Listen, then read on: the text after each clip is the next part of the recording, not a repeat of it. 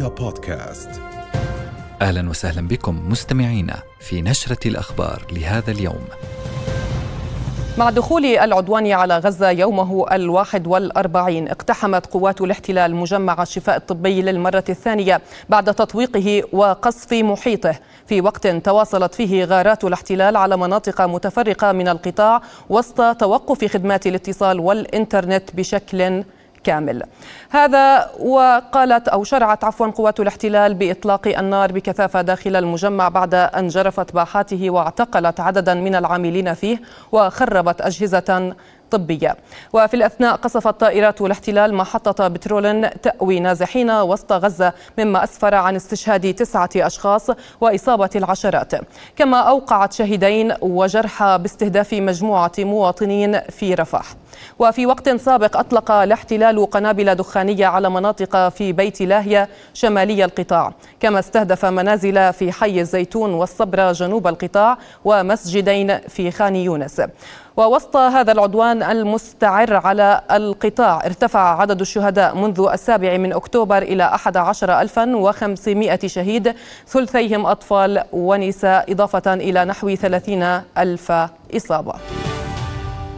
جنود الاحتلال لا يزالون داخل المستشفى وأخذوا الجثث وفجروا خط المياه ودمروا أقساما طبية، هذا ما يؤكده مدير مستشفى الشفاء محمد أبو سلمية لرؤيا، ووصف أبو سلمية الأوضاع بالمأساوية قائلا إن الموجودين بالمستشفى يصرخون من العطش وسط حصارهم بالدبابات ونفاذ الغذاء والماء، وقال أيضا إن طائرات الاحتلال المسيرة لا تتوقف عن التحليق في أجواء المستشفى، كما أكد أبو السلمية أن عمليات القنص مستمرة ولا يستطيع أحد التنقل من مبنى لآخر. لافتا إلى وجود أكثر من خمسة آلاف نازح بالمستشفى علاوة على 650 مريض و500 من الكوادر الطبية. نقلت صحيفة واشنطن بوست عن دبلوماسي أوروبي قولة إن غياب دليل على وجود نشاط عسكري بمجمع الشفاء الطبي دفع الغرب للضغط لوقف القتال. وأضافت الصحيفة أن تل أبيب كانت تأمل في أن يؤدي اقتحام مستشفى الشفاء إلى ظهور أدلة دامغة على وجود نشاط مسلح كبير إلا أن غياب دليل واضح دفع الحلفاء الغربيين بما في ذلك الولايات المتحدة إلى زيادة الضغط من أجل قبول لوقف القتال الدائري على الأرض.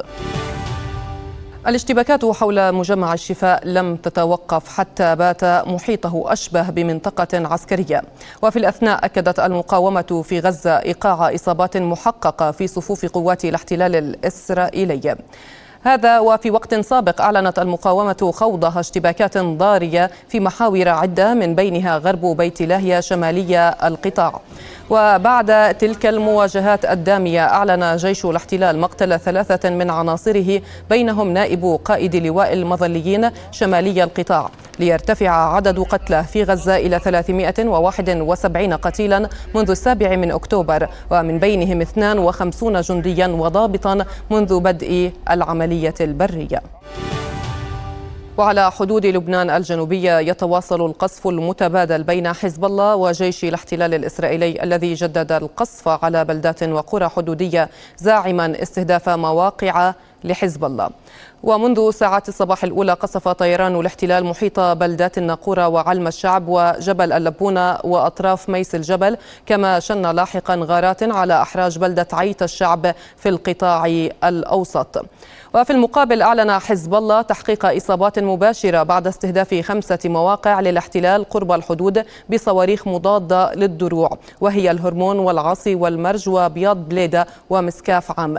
كما أطلق لاحقا قذائف مدفعية سقطت بمناطق مفتوحة في الجليل الغربي.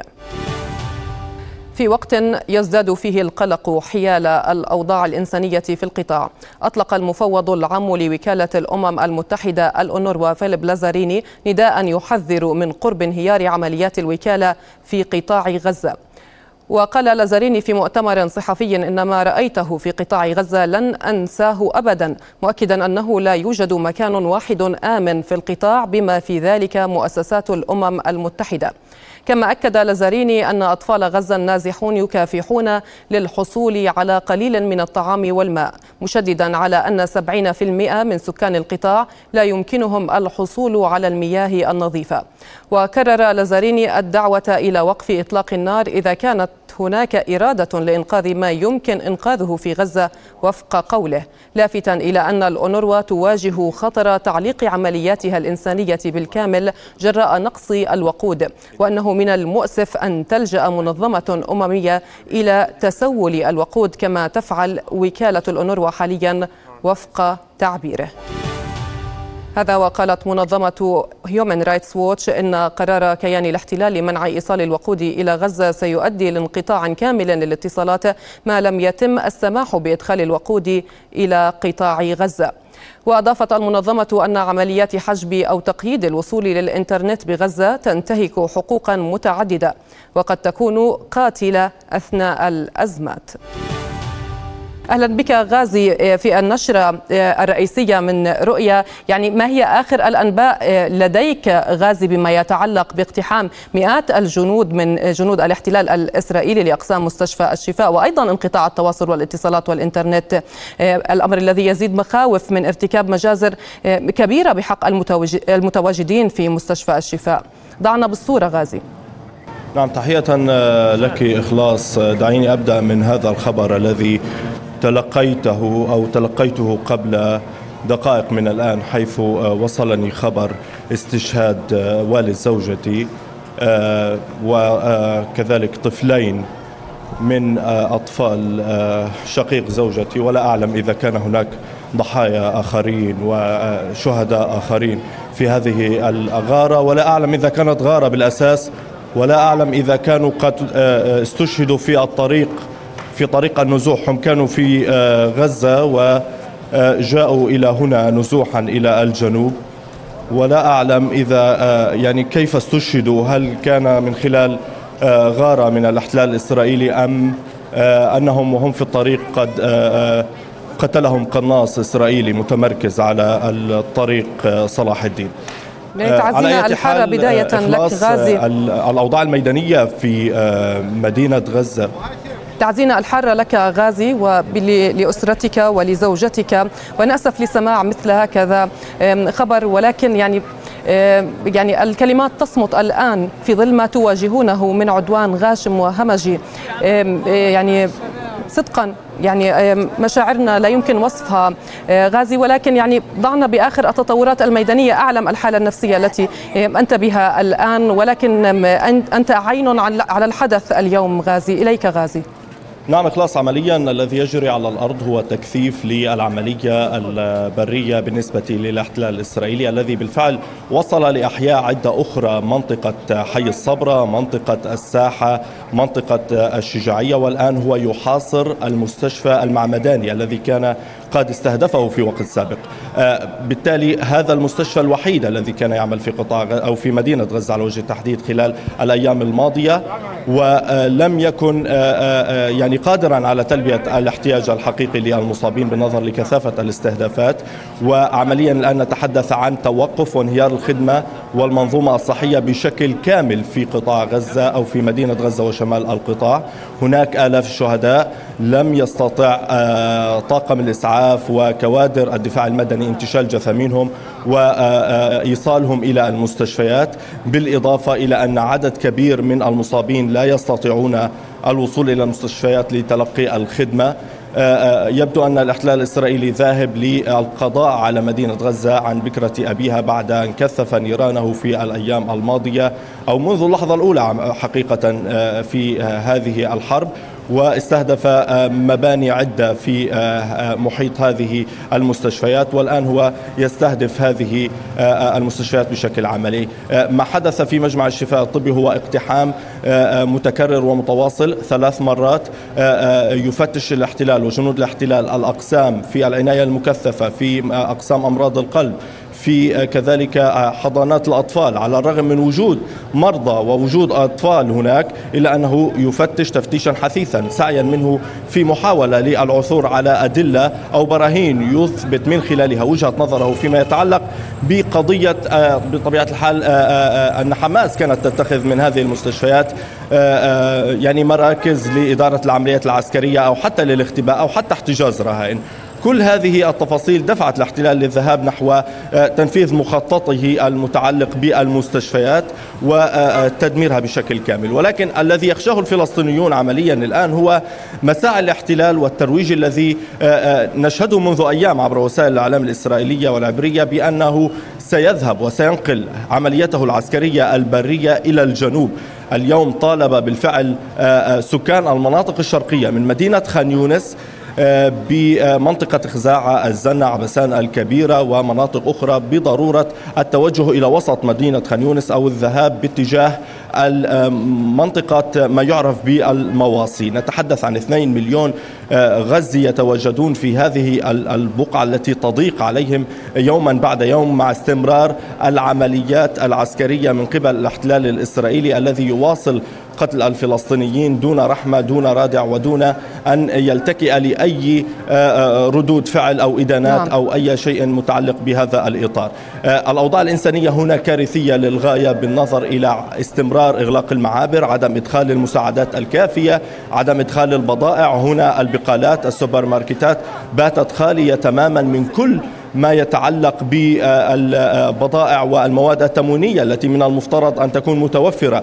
الاستهلاك المتزايد هو الذي ساهم في هذا الأمر بالإضافة إلى ارتفاع الأسعار نحو ستة أضعاف في بعض الأحيان. بالتالي ظروف معيشية غاية في الصعوبة بالإضافة إلى آه، آه، هنا الكثير من الفلسطينيين لا يعرفون تماما أين سيذهبون لا, يلج... لا... لا يجدون ملجأ لا يجدون مكانا آه، يحتمون فيه. ويعني نعم. يذهبون إليه يعني من ينزح من نعم. مدينة غزة في إطار الحديث عن النازحين غازي المفوض العام للأونروا فيليب لازاريني يقول أن 70% من النازحين لا يستطيعون الحصول على ماء نظيف وهذا يعني ليس بالجديد كنت قد يعني فصلت لنا هذه الأمور في يعني سابقا من خلال تغطيات رؤية ولكن ما هي أوضاع النازحين في في المخيمات التي تم إنشاؤها لهم في منطقة الجنوب بقطاع غزة. يعني آه، يزدادون اكتظاظا بمرور آه، الوقت آه، سيما وأن عملية النزوح لا زالت مستمرة وهناك آلاف من المواطنين لا زالوا يأتون إلى جنوب القطاع. بعضهم يذهب إلى مراكز الإيواء بعضهم يذهب إلى المخيمات وبعضهم يأتي إلى هنا إلى المستشفيات. مع العلم بأن كل مراكز الإيواء والمدارس قد أغلقت أبوابها تماما بالنظر إلى الاكتفاء والامتلاء الذي آه، يعني تشهده هذه المدارس بالإضافة أيضا أن آه، مستشفى ناصر هنا وبقية المستشفيات في الجنوب باتت مكتظة وهو الأمر الذي لا يسمح للكوادر الطبية العمل بأريحية وفق يعني وفق الحالة الموجودة الآن وهذا كله يثقل كاهل المنظومة الصحية. هناك عائلات تفترش الرصيف تفترش الشوارع وتفترش حديقة هذه المستشفى من خلال بعض الخيام أو بعض القماش الذي يعني تنصبه للجلوس وأن تحتمي فيه ولكن على الرغم من ذلك هناك مخاوف من هطول الأمطار مستقبلا وهو الأمر الذي من الممكن أن يعني يدفعهم نحو المجهول مجددا بالنظر إلى عدم قدرتهم على تدبر أمورهم في مثل هذه الحالات. نعم. أشكرك جزيل الشكر مراسل رؤية في قطاع غزة. غازي العلول كنت معنا وتعزينا الحارة لك مجددا والرحمة للشهداء جميعا والشفاء العاجل للمصابين. شكرا جزيلا غازي. يواصل جيش الاحتلال الاقتحامات اليومية في مختلف المناطق بالضفة الغربية المحتلة وسط مواجهات واشتباكات وحملات اعتقالات تطال العشرات من الفلسطينيين في كل ليلة. واليوم أغلق الاحتلال كافة مداخل مدينة الخليل مقتحما المدينة بقوات معززة بعشرات الآليات العسكرية بعد ساعات من الإعلان عن هوية شهداء منفذي عملية النفق على حاجز عسكري بين مدينتي القدس وبيت لحم. هذا واعتقل بعض أقاربهم.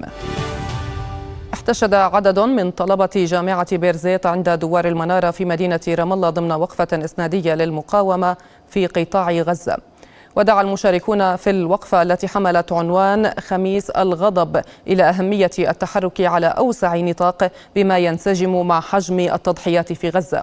معبرين عن سخطهم على جرائم الإبادة الجماعية التي يمارسها الاحتلال على مدار الساعة في القطاع المحاصر. وللوقوف على آخر التطورات في الضفة الغربية تنضم إلينا من هناك أسيل سليمان. أهلا بك أسيل. إذا كتائب القسام تبنت في الضفة عملية حاجز النفق والتي أسفرت عن مقتل جندي وإصابة أيضا آخرين واستشهاد المنفذين الثلاثة. ما هي آخر التفاصيل المرتبطة بهذه العملية وتداعياتها أيضا في الضفة وتحديدا في الخليل وبيت لحم؟ نعم كما ذكرت قبل قليل أعلنت مصادر عبرية عن مقتل أحد الجنود المصابين في هذه العملية التي نفذت مع ساعات الصباح الأولى. طبعا غير هذا الجندي أو بالإضافة إليه هنالك ستة إصابات أخرى أو ست إصابات أخرى آه اثنتين منها حرجة حتى الآن يعني لم يتم الكشف عن تفاصيل آه أخرى آه بخصوص هذه الإصابات أو وضعها آه الصحي. إلا أنه تم الإعلان منذ قليل عن مقتل أحد الجنود المصابين بهذه آه العملية البطولية. مع تبني كتائب القسام لهذه العملية تصبح الثانية خلال الأسبوعين الأخيرين أو العشرة أيام الماضية التي تتبناها كتائب القسام إلى جانب عملية بيت ليد البطولية في آه، بالقرب من آه، طول كرم آه، والتي أيضا انتشر لها فيديو مسجل يحمل شعار القسام بعد تبنيه لهذه العملية. ما يحدث الآن هو لربما إشارة للاحتلال بأن الضفة الغربية لم تعد بين أو تحت قبضته الأمنية بالرغم مما يحاول فعله وتثبيته في عملية عمليات الاقتحامات الليلية المتكررة من جهة ومن جهة أخرى الاعتقالات بهذا العدد والكم والطريقة المتوحشة منذ السابع من أكتوبر وما يعني يمارسه من آه، آه، سياسات همجية وانتقامية بحق الأسرى في الحقيقة في سجون الاحتلال. أيضا منذ بدء عملية طوفان الأقصى في السابع من أكتوبر وعدوان الاحتلال على قطاع غزة. وهذا ما سيجعل الاحتلال الآن إذا كان قد فتح عينا واحدة على الضفة الغربية وأخرى على غزة. الآن سيوظف عينان على الضفة الغربية ومثيلة أيضا في على قطاع غزة لأنه بات يعلم أنه مع تبني القسام هذه العملية لربما هناك عمليات أخرى قادمة ولربما هناك سلسلة من العمليات. ما حدث بعد تنفيذ هذه العملية اليوم والإعلان عن ارتقاء الشهداء الثلاثة هو أن قوات الاحتلال شكت في وجود قنبلة موجودة في آه، آه، آه، مكان تنفيذ العملية فقامت بإغلاق جميع الطرق المؤدية إلى طريق حاجز النفق الواصل بين بيت لحم والقدس من جهة وكل الطرق المؤدية إلى بيت لحم والمؤدية إلى القدس من جهة أخرى. هذا يعني رفع مستوى وحجم الاستنفار لدى قوات الاحتلال وبعد أن عرفت هوية هؤلاء الشبان الثلاثة قامت بتنفيذ عملية اقتحام لمدينة الخليل واعتقال عدد من أقارب هؤلاء الشهداء منهم أم أحد الشهداء التي تم الإفراج عنها قبل قليل. نعم ولكن أسيل هذه ليست العملية الأولى لكتاب القسام في الضفة الغربية. نعم هي ليست كذلك لكنها الثانية بالحقيقة منذ السابع من أكتوبر التي تكون بهذا النوع بهذه النوعية في الحقيقة والتي يتم تبنيها آه، آه، بعد السابع من أكتوبر. ما يعني أن الاحتلال الآن سيكون متنبها وسيزيد من آه، حجم تأهبه لعمليات قادمة. إذا بيت ليد لم تكن الأولى في الحقيقة لكنها كانت الأولى بهذه النوعية منذ السابع من أكتوبر. تليها اليوم أو تلتها اليوم حاجز عملية حاجز النفق التي أدت إلى مقتل آه، آه، آه، جندي. وهناك إصابات أيضا خطيرة من المرشح أن يعلن عن مقتلها في الساعات المقبلة أو الأيام المقبلة حتى. إذا اليوم الاحتلال هو أمام سؤال. ماذا ينتظرنا في الضفة الغربية؟ هل هذه العمليات مخطط لها منذ زمن طويل؟ من يخطط لهذه العمليات في الضفة الغربية؟ من رأسها في الحقيقة؟ كيف يتم التنسيق لها؟ وما هي النقاط التي يتم اختيارها لتنفيذ العملية لها؟ الاحتلال اليوم كان يعتقد أن هذه العملية سيتم تنفيذها في القدس المحتلة ونشر صورا لأسلحة وذخائر وسكاكين وجدها أو يزعم أنه وجدها في سيارة المنفذين. لذلك مزيد من الإحباط مزيد من التبعثر سيواجهه الاحتلال في الضفة الغربية كونه لن يعلم الضربة القادمة من أي جهة ستكون ومن سيتبناها. أيضا الفصائل الأخرى نشطة. كتيبة الرد السريع في طول كرم وغيرها من المجموعات المسلحة المقاومة في الضفة الغربية هي نشطة أيضا. لذلك فهو يواجه العمليات البطولية من جهة المسلحين المشتبكين من جهة أخرى الذين ينفذون يوميا مواجهات واشتباكات مسلحة مع قوات الاحتلال خلال اقتحامها للمدن والقرى الفلسطينية نعم. وأيضا ال ال ال لنقل المسيرات الشعبية السلمية هنا نتحدث بما يخص المسيرات غدا هي الجمعة السادسة منذ بدء عملية طوفان الأقصى صفي لنا المشهد وهل هناك يعني دعوات لمسيرة كبرى يوم غد الجمعة؟ كما في كل جمعة منذ بداية العدوان على قطاع غزة سيكون هناك آه، دعوات قبل أيام من حلول يوم الجمعة للتجمهر في مراكز المدن الفلسطينية وبعدها طبعا بعد صلاة الظهر في كل المدن وبعدها التوجه إلى نقاط التماس للمواجهة والاشتباك مع الاحتلال. هذا من جهة. لكن الظروف اليوم وبالتحديد بعد عملية حاجز النفق آه، قد تكون مختلفة قليلا. الاحتلال سيكون آه، متأهبا لشيء أكبر من المسيرات وأكبر أكبر من المواجهات يوم غد. لربما يحاول أن يقرأ هل سيكون هناك يوم الجمعة عمليات بطولية أيضا بالدهس أو بالإطلاق النار على الحواجز أو في مختلف المدن الفلسطينية. هذا سيترك يعني قليلا من التوتر في في نفس الاحتلال ربما تجدر الإشارة أيضا إلى أنه قبل عدة أيام قدم الاحتلال بجرافة عسكرية إلى المدخل الشمالي لمدينة ألبيرة وهي النقطة الرئيسية للمواجهات في هذه المنطقة. وأزال كل الحواجز أو السواتر التي يتمترس خلفها الشبان الذين يعني ينخرطون في المواجهة مع قوات الاحتلال بعد كل مسيرة آه، شعبية. أزالوا آه، الحاويات أزالوا الكتل الصخرية التي يحتمي خلفها الشبان. وأيضا هناك بضع سيارات كان يحتمي خلفها الشبان. كلها جرفها الاحتلال وأزالها من المنطقة. أي أن مدخل آه، هذه المنطقة المواجهات باتت مكشوفة تماما ما يعني ينذر باستشراس لقوات الاحتلال ونيتها في الحقيقة لإيقاع شهداء نعم. آه، وليس فقط لتفريق آه، آه، الشبان في المواجهات. نعم. أشكرك جزيل الشكر أسيل سليمان كنت معنا من مدينة رام الله. شكرا جزيلا.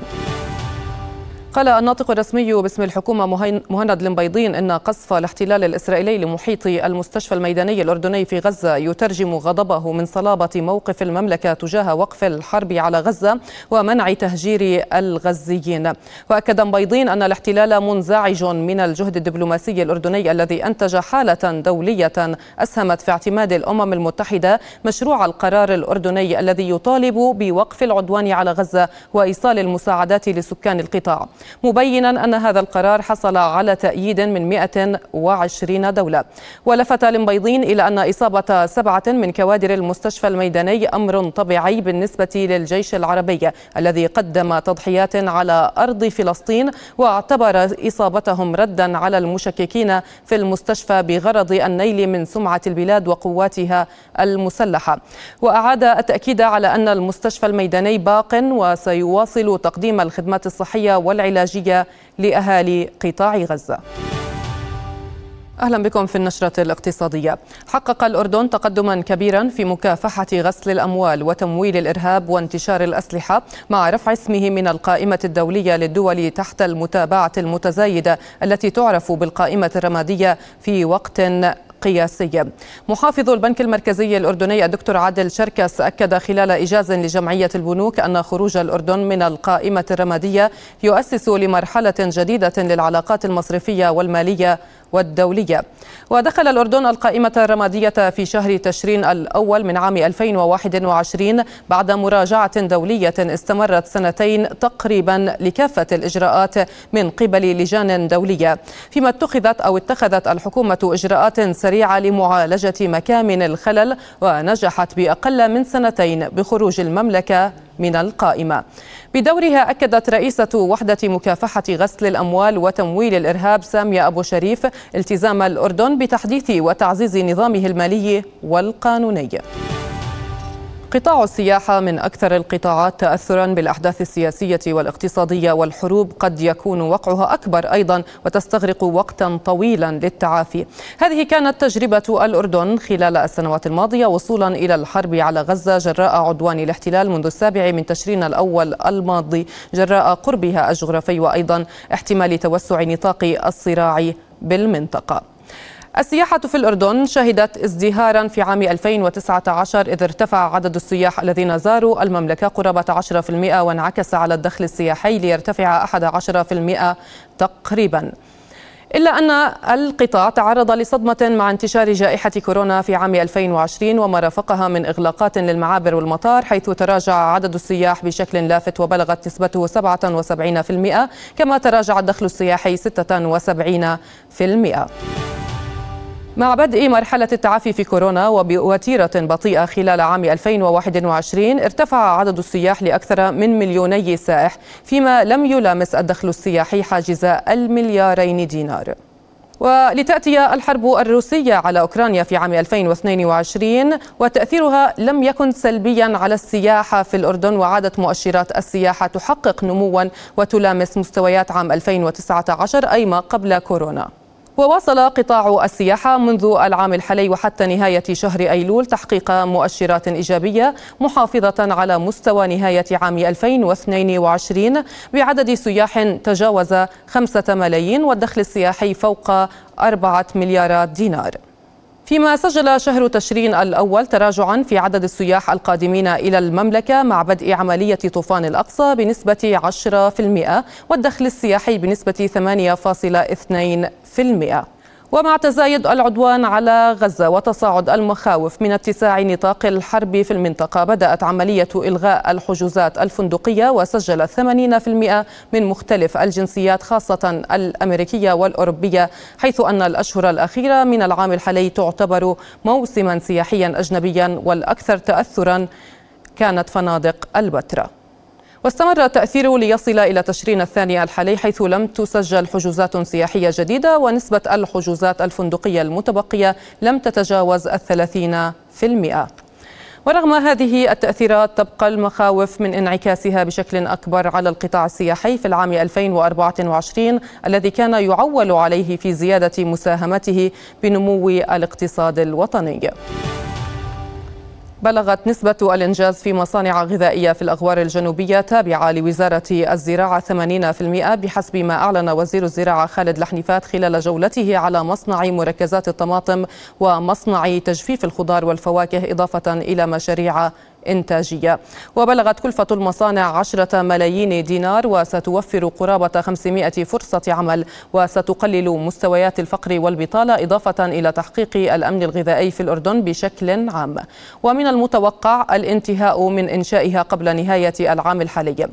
الوزير قال خلال الجولة إن الوزارة تسعى للتوجه نحو الزراعة التصديرية بعد إجراء مسوحات للسوق المحلي والعالمي واستيعاب الفائض الإنتاجي من المحاصيل الزراعية الزراعية والصناعات الغذائية من خلال شراكتها مع القطاع الخاص.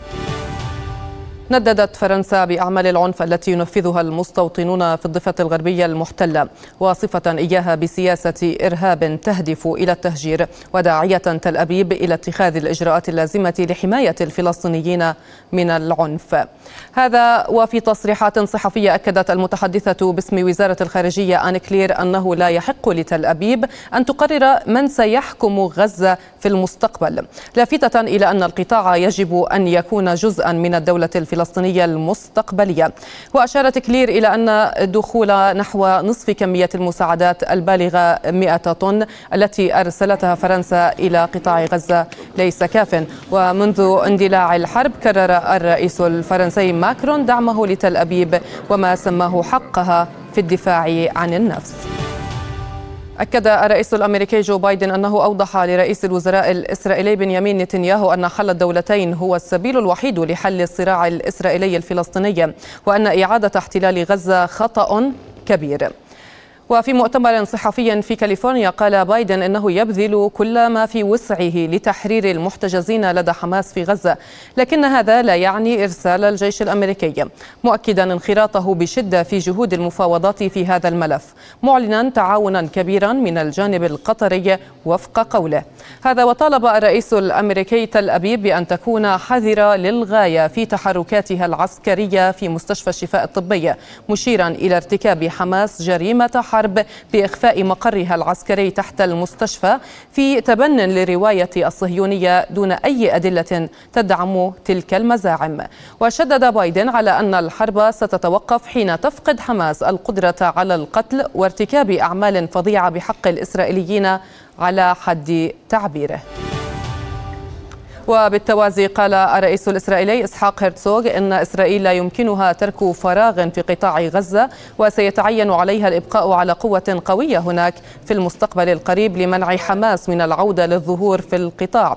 وأكد هرتسوغ في مقابلة مع صحيفة فاينانشال تايمز أن الحكومة الإسرائيلية تناقش عديدا من الأفكار بشأن سبل إدارة القطاع بمجرد انتهاء الحرب. مشيرا إلى أنه يفترض أن الولايات المتحدة والجيران بالمنطقة ستكون لهم بعض المشاركة في النظام الذي سيوضع بعد فترة الصراع وفق زعمه.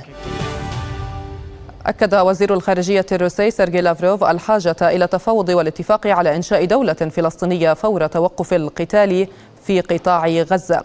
وقال أو أضاف لافاروف أن موسكو تشعر بالقلق من العمليات الإسرائيلية في الضفة الغربية التي قتل فيها العشرات.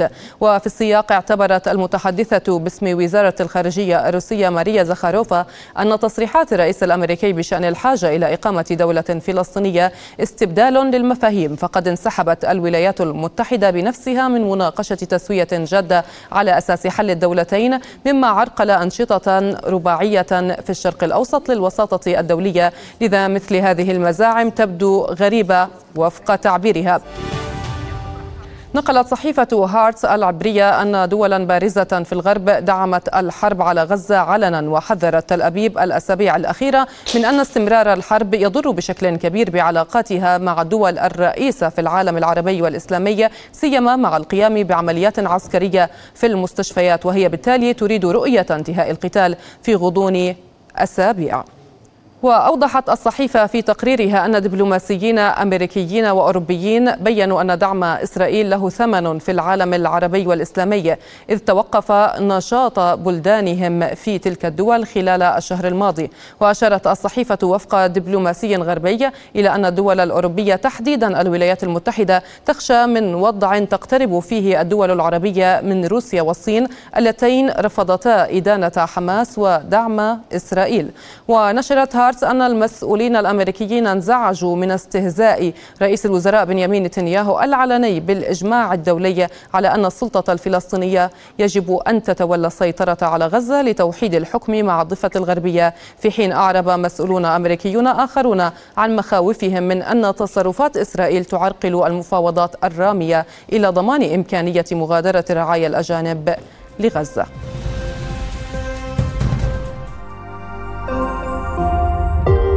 رؤيا بودكاست